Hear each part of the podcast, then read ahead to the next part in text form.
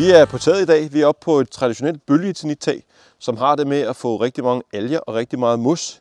Det er vigtigt, at du renser alt det her mos væk, så vandet hurtigt og uhindret kan komme ned i tagrenden. Det bedste er faktisk at tage en gammel opvaskebørste eller en stiv kost, lægge en stige op på taget, så du har en fornuftig arbejdssikkerhed, og så arbejde oppefra og ned, og så kan du skylle efter med vand til allersidst. Når vi snakker sådan en traditionel bølgetinit så er der to ting, der tit kommer på sådan en. Det er alger. Dem synes jeg er ret flotte. De giver taget patina. De er ikke farlige.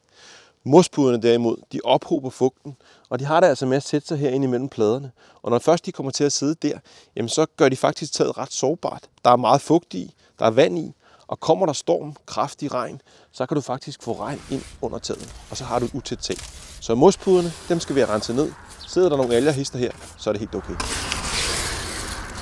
Så er jeg færdig med at rense de første fire baner, klar til at flytte stigen, og inden du er helt færdig, så husk lige at få renset tagrenden, for der ligger rigtig mange mosrester.